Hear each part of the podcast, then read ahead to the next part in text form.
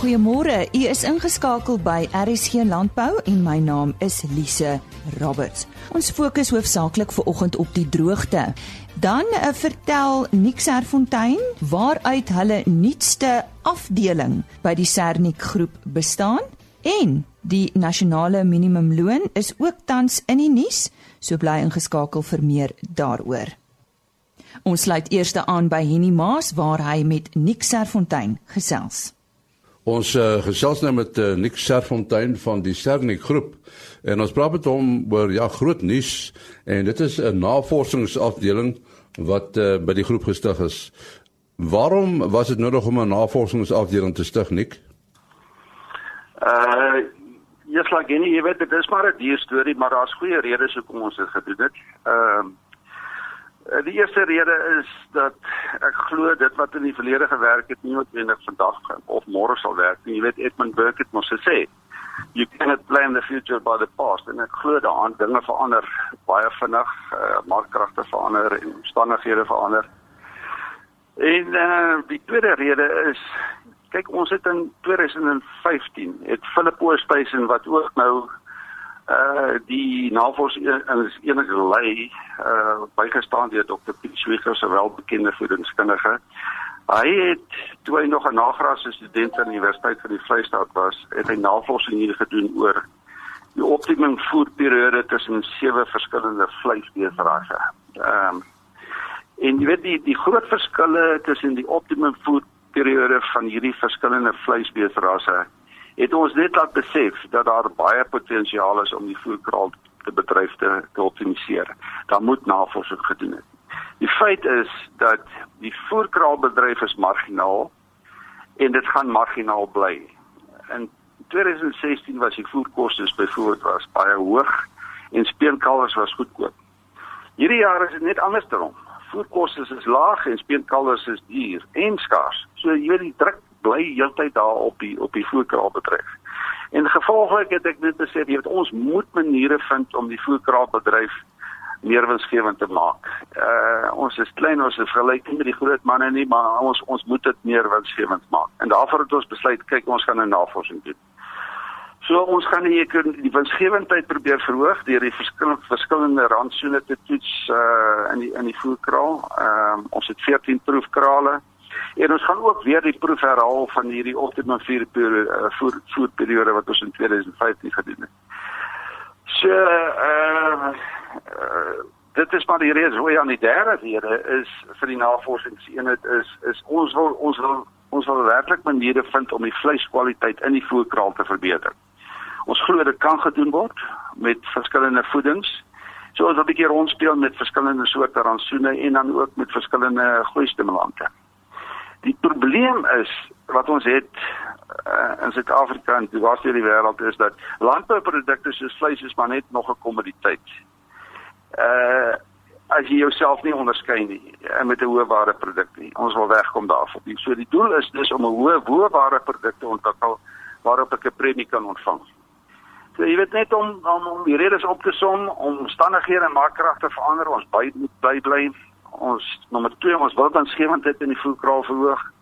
Ons wil die kwaliteit van ons produk verhoog om die persepsie te verander dat dit maar net nog 'n kommoditeit is en uiteraard kyk ons ook na die na die na die uitvoermark met hierdie hoë kwaliteit en hoë waarde produkte.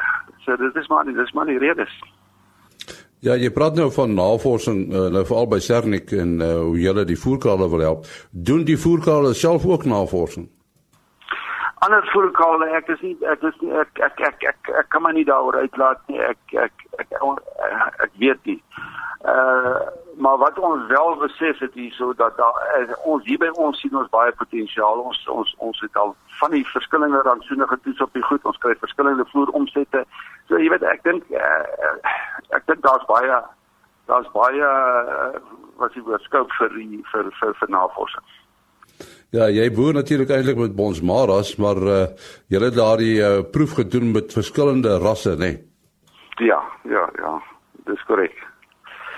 En uh ons gaan nou ons gaan nou weer daai proef doen. Ons gaan dit net meer intensief doen. Ek dink laas keer het ons so 200 beeste gebruik om en, en uh om die proef te doen. Ons gaan nou 600 gebruik. So dit gaan baie meer intensief wees.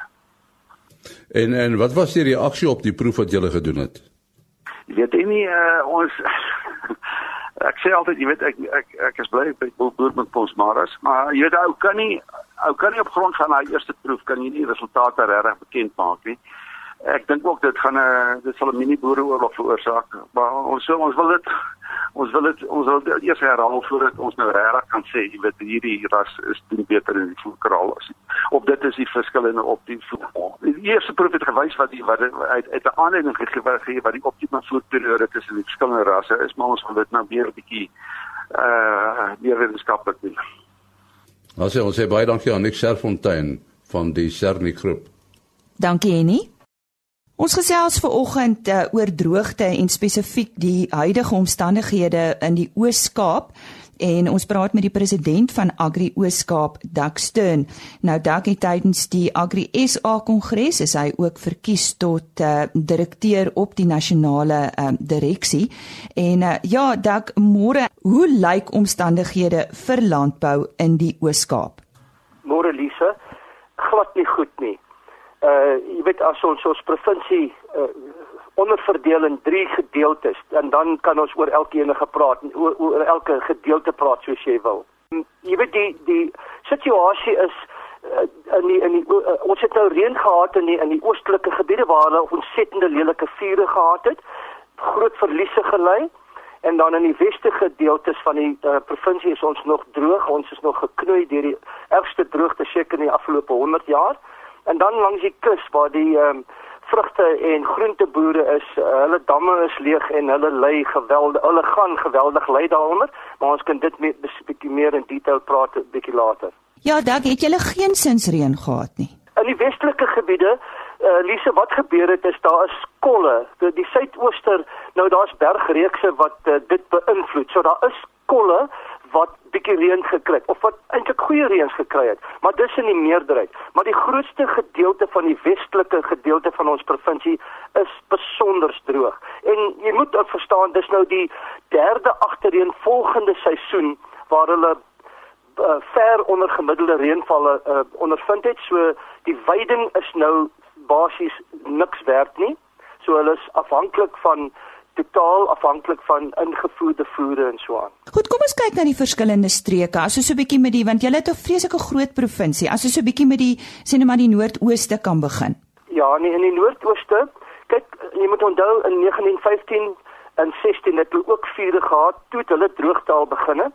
En ehm um, hulle gedeelte van daai uh, gebied was afgebrand en die ander gedeelte het nou afgebrand uh, was dit September Oktober van hierdie jaar. En uh ontsettend skade gelei. Ek dink daar's iets vir 60000 hektaar wat afgebrand het in daai gebied in. Maar gelukkig het hulle daarop opvolg reëns gehad. So hulle is nou tot 'n mate okay wat dit aanbetref. Alhoewel die verliese wat hulle moes ly was enorm ten opsigte van infrastruktuur en vee. En dan uh, by dit het hulle koue gehad in Oktober maand wat weer omtrent 5000 stuks kleinvee uh, geëis het uh, wat gevrek het van koue. So dit, dit lyk nie goed daarso nie. Uh, en en en ek wil sê dat daai mense gaan lank vat voor hulle weer herstel in die noordoostelike gebiede van ons provinsie. Noem vir ons 'n paar dorpe dat ons net ons luisteraars bietjie gewis uh, watter dorpe is in die noordoostelike deel van julle provinsie? Die Bitsy Barkley Oost uh Allowil Noord Burgersdorp gebied, uh, Jamestown. Dis daai gebiede uh, wat in in die vier die meeste vier was daar in die Barkley Oost gebiede. So ehm um, dis maar hoë gebiede, hoë terrein, baie berge, moeilik om vure te veg. Uh so ek gaan nou nie in detail gaan hoe die vure ge, uh, uitgeblus was nie, maar genoeg gesê dat die infrastruktuur infrastrukture verliese was enorm daarso.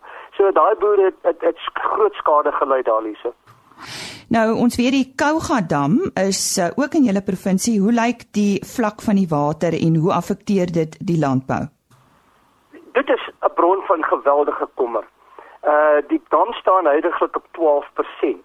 Nou die boere se uh um, kwotas is gesny met 60% alreeds, maar as die dam nou so laag is dan kan hulle nie meer uh water uit die dam uit uh, kry ontneem nie. Maar laat ek sê dat die boere in daai gebied het alreeds besluit dat enige beskikbare water gaan nou net gebruik word vir die sitrusbedryf.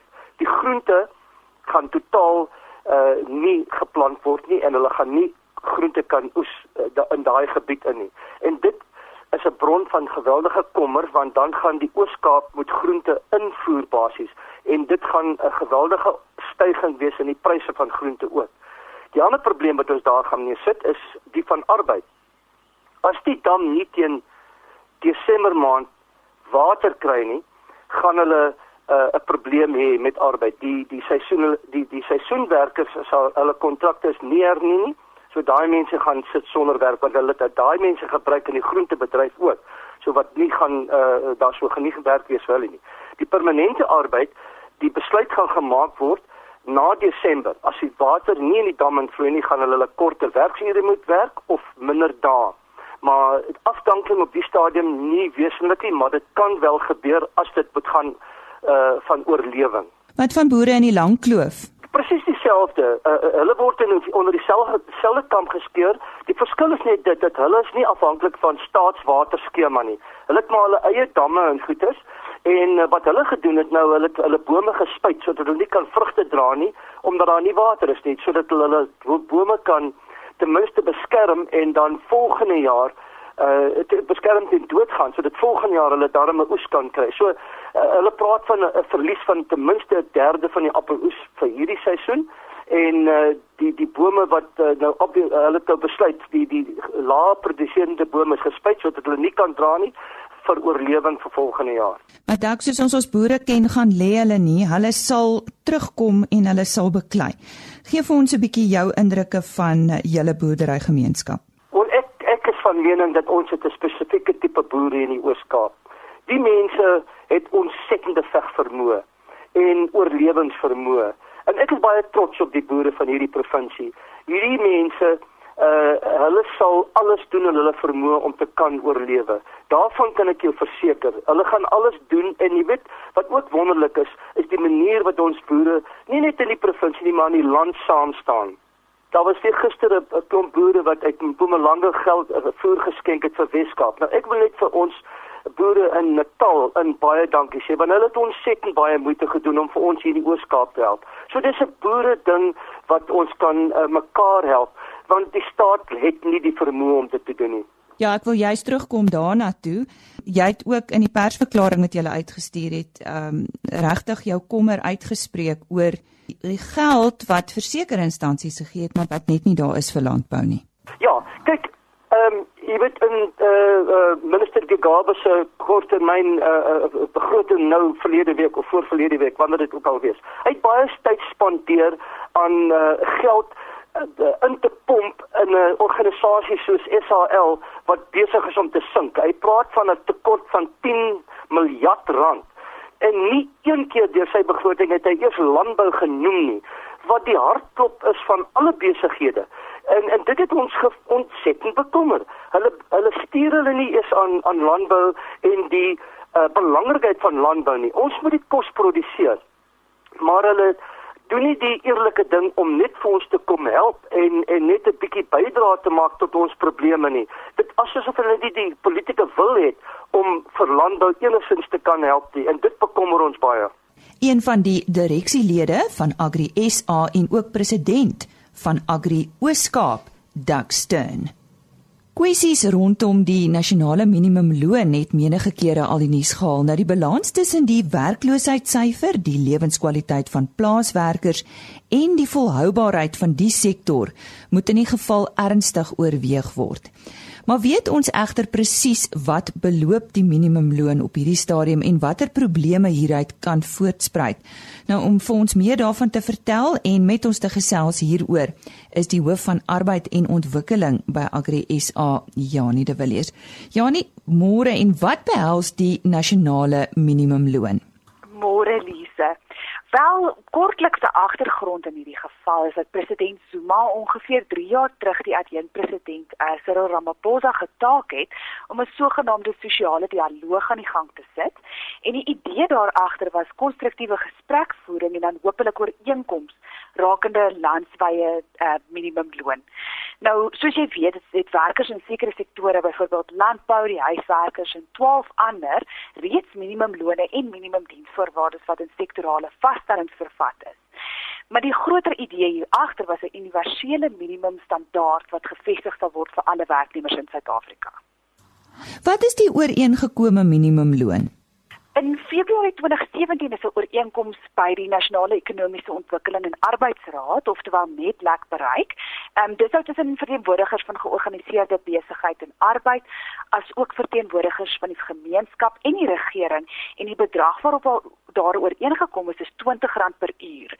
Nou gegee die uitdagings in buite die huiswerkersektor en die plaaswerkersektor, is daar besluit om die minimum loon daarin te faseer wat beteken dat plaaswerkers R18 per uur sal verdien en huiswerkers 'n minimum van R15 per uur. En wanneer word dit nou ingefaseer? Dit sal op die 1 Mei 2018 wees. Wat is die rand en sent impak daarvan op landbou veral in hierdie huidige omstandighede? Ja, soos jy weet is die omstandighede op die oomblik baie baie moeilik in sekere van van ons subsektore binne landbou ook. Ehm um, tans is die minimumloon as jy mens hom nou omskakel en jy kyk na iemand wat 8 ure per dag, 5 dae 'n week werk, ongeveer R3000 'n maand, ehm um, oftewel R15.39 per uur. Hierdie bedrag sou indien ons 'n geskatte inflasiewaarde van omtrent 5% aanvaar tot R3151 per maand, oftewel R16.15 per uur gestyg het met die nasionale minimumloon, o, oh, ekskuus, myself in die rede te val, dit sou op die 1 Maart aanstaande jaar gebeur het. Met die nasionale minimumloon wat in Mei inskop, sal plaaswerkers nou R3576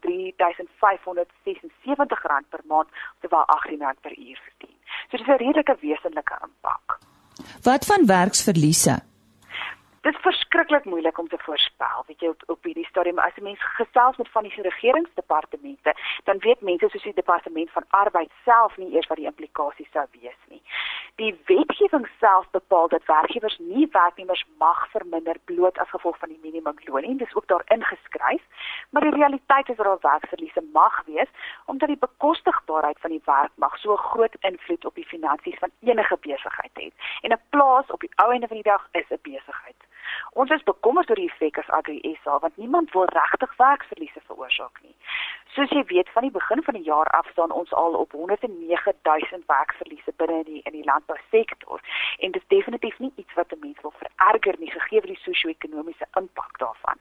Dit is belangrik om ook te onthou dat die landbousektor al sedert 2008 onder 'n sektorale vaststelling resorteer, so minimumlone is nie nuus vir ons nie. Wat dit baie baie moeilik maak op die oomblik is om daardie balans te handhaaf waarna jy verwys het tussen die regverdige betaling van werkers en die voortbestaan van 'n plaas. As 'n plaas ondergaan, het dit 'n effek op voedselsekerheid, en voedselsekerheid in Suid-Afrika. En indien minimumlone onbeheerst gaan aanhou styg, gaan dit 'n rimpel-effek hê wat nie geïgnoreer kan word nie. Wat gebeur nou in 'n geval waar 'n werker en werknemer op 'n bedrag laer as die minimumloon ooreenkom? Die minimumloonwet staan gelyk aan die wet op basiese diensvoorwaardes. Nou wat dit beteken is dit stel 'n minimum standaard waaruit niemand kan kontrakteer nie. So selfs al kom 'n werkgewer en werknemer ooreen op sê R12 'n uur, sal dit geen reg regseffek hê nie. En dis nie 'n wettige ooreenkoms op die einde van die dag nie. Niemand mag onder die minimum standaard betaal word nie. Maar wat doen 'n produsent dan wat nie die minimumloon kan bekostig nie? As iemand nie die minimumloon kan bekostig nie, dan word daar in die wet voorsiening gemaak vir kwytskeldings wat binne 30 dae hanteer moet word. Dis nogal iets waarop die die um, besigheidsverteenwoordigers baie klem gelê dat dit iets is wat spoedig afgehandel moet word, sien dit dat dit net 'n administratiewe proses is.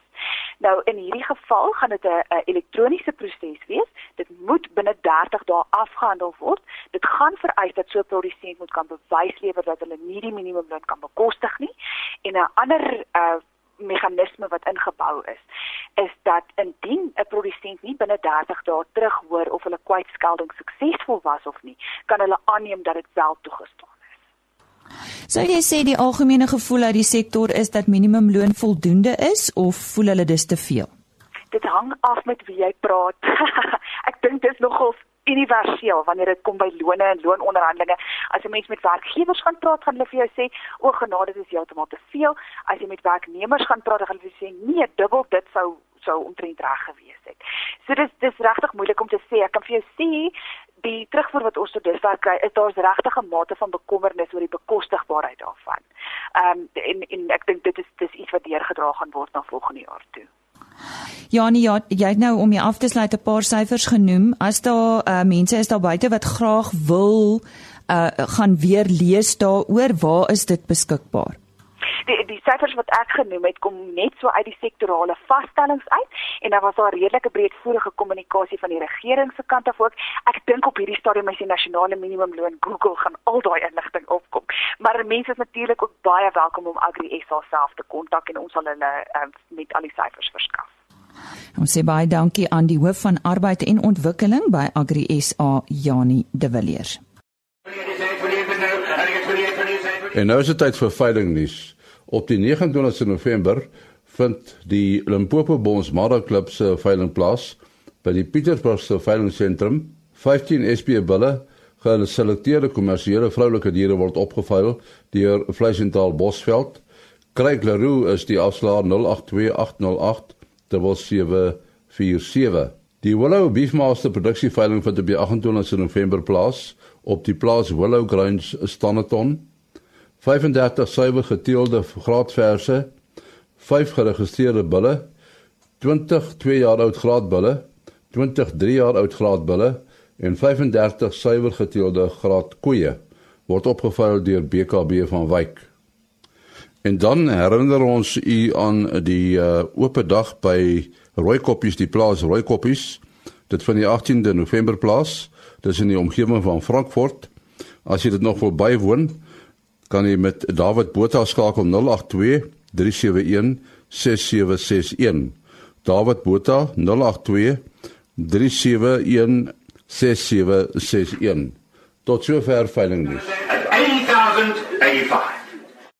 Ek seker al gehoor van Burre Burger. Dis 'n man wat graag ander wil help, veral boere wat droogtehulp dringend nodig het. Ek het 'n bietjie meer oor hom gaan uitvind en waarom hy hiermee begin het. Hou 'n pen en papier of u slimfoon byderhand want hy verskaf 'n webtuiste aan die einde van die program indien u graag wil help.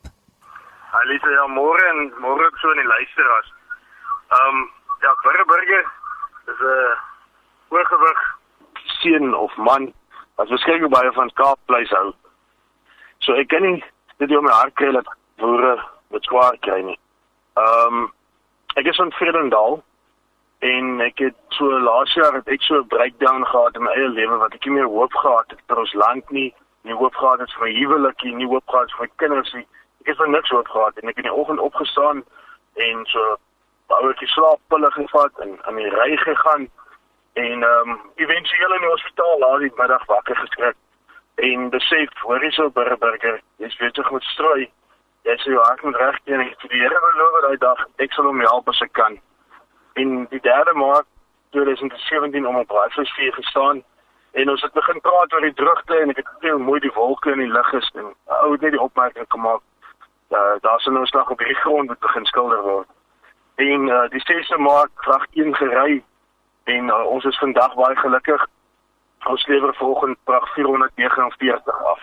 En waar is dit nou vir oggend, Burre? Ons lê vir oggend op die voerraf in Klawer. Um baie maatskappye en instansies het my gekontak wat nou so deel geraak het van van die projek. En ons het um vir oggend in Klawer lê so vrag Lucerne af so 800 bale Lucerne. En hiervoor gaan dan nou uitgedeel word aan boere van van Reinsdorp van die knersvlaktes. Dus ons moet nou noem dis ons maar gekners van tande in die knersvlakte. Burma, dis met 'n moeilike besluit wees om op die ou end te besluit waarna toe gaan jy vandag voer neem of lucerne neem? Wat hoe besluit julle? Ja, dit is dis dis baie moeilik um, om daai besluit te neem. Ek het maar vir my 'n lys gaan opstel van plekke wat droog is. En en dan vat ons die lys deur en dan begin ons maar weer die lys van bo af. So op die oomblik beklei niemand met my nie want ek sê vir hulle, jy weet mos jy lê 5 op die lys of jy weet jy lê 10 op die lys.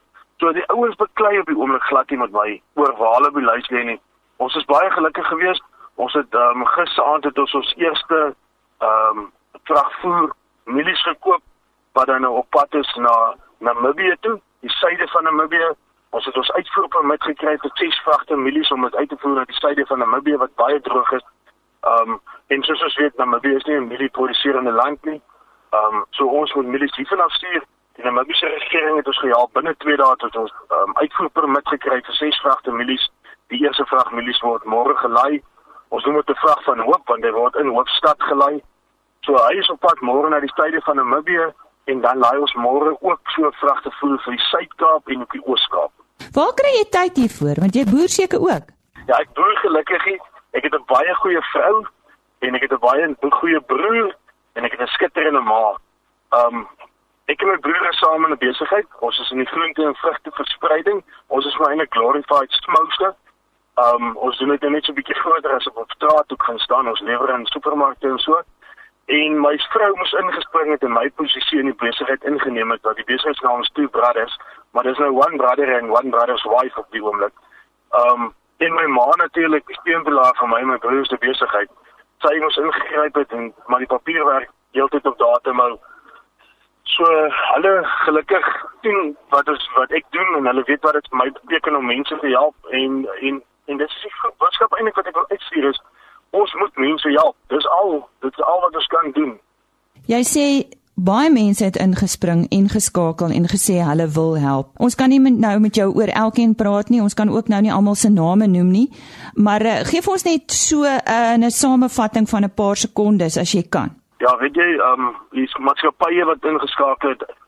Ouens wat wat ek as ek hulle name in lig mag noem, Vredendal Toyota wat gesê het, "Hoor, hier's vir jou bakkie ry." ry waar jy moet wees, ry na die boere toe, ry waar jy kan voer lei.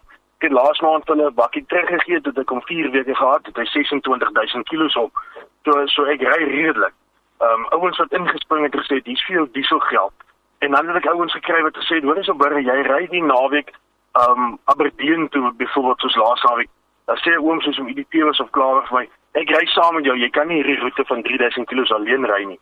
Dan klim hulle met 'n daar's 'n oom om Johan Lee hy het my ons het nou 'n ander ehm um, ehm um, een ook ingebring in die projek. Wat gebeur met die droogte is, die boere droogte, toe hulle laat werkers van die plase afgaan. So wat ons nou gedoen het is ons het vir die volgende 4 naweke het ons verskillende punte waar ons droër aan Tsuno ook inneem. En dan gaan ons kospakkies maak. Ons het 3000 kospakkies afgelewer en ons lewer dit aan plaaswerkers af want plaaswerkers is net so deel van hierdie droogte soos wat die boere deel is van hierdie droogte. En raak Kersfeestyd en hulle wil ook graag vir hulle kind 'n teddybeertjie gee of 'n karretjie om mee te speel. So ons sit daai klas goed draak, dit is deel van hierdie pakkies wat ons uitdeel. So dis baie belangrik en dit is die boodskap soos ek vir jou gesê het wat ek uit het. Almal is God se kinders en ons is almal deur een ou geskaap. Ons moet almal werk aan hierdie projek. Nou goed, die mense wat nou nog wil deel wees van jou projek of julle projek want dit is nou maar 'n julle projek. Wat staan hulle te doen? Wat is die maklikste bure? Weet jy die maklikste is om in te gaan op www.droogtehulp.co.za. Dis ons dis ons webbladsy. As hulle op hom ingaan, dan sal ons Facebook link is daar op. Ons verskillende opsies vir donasies is daar op. Iemand het my gister aangekontak en gevra, "Gee julle vir alle boere?" Toe sê ek vir hom, "Ons gee vir alle boere, klein boere, kommersiële boere of jy nou in 'n landbouunie behoort of jy nie in 'n landbouunie behoort nie." vra nie wat se ras jy is nie, want jy's my boer, jy's my kosvoorsiener, jy voorsien dat ek kos op my tafel het ten minste soggens wat dan saam te praat nie as van die res van die tyd nie. Dit was aan die stem van Burre Burger en net weer die webtuiste, dit is www.droogtehulp.co.za. So onthou môreoggend om 05:30 weer aan te sluit by my Lise Roberts. Totsiens. RSG Landbou is 'n produksie van Plaas Media. Produksieregisseur Henny Maas. Aanbieding Lisa Roberts. En inhoudskoördineerder Jolandi Root.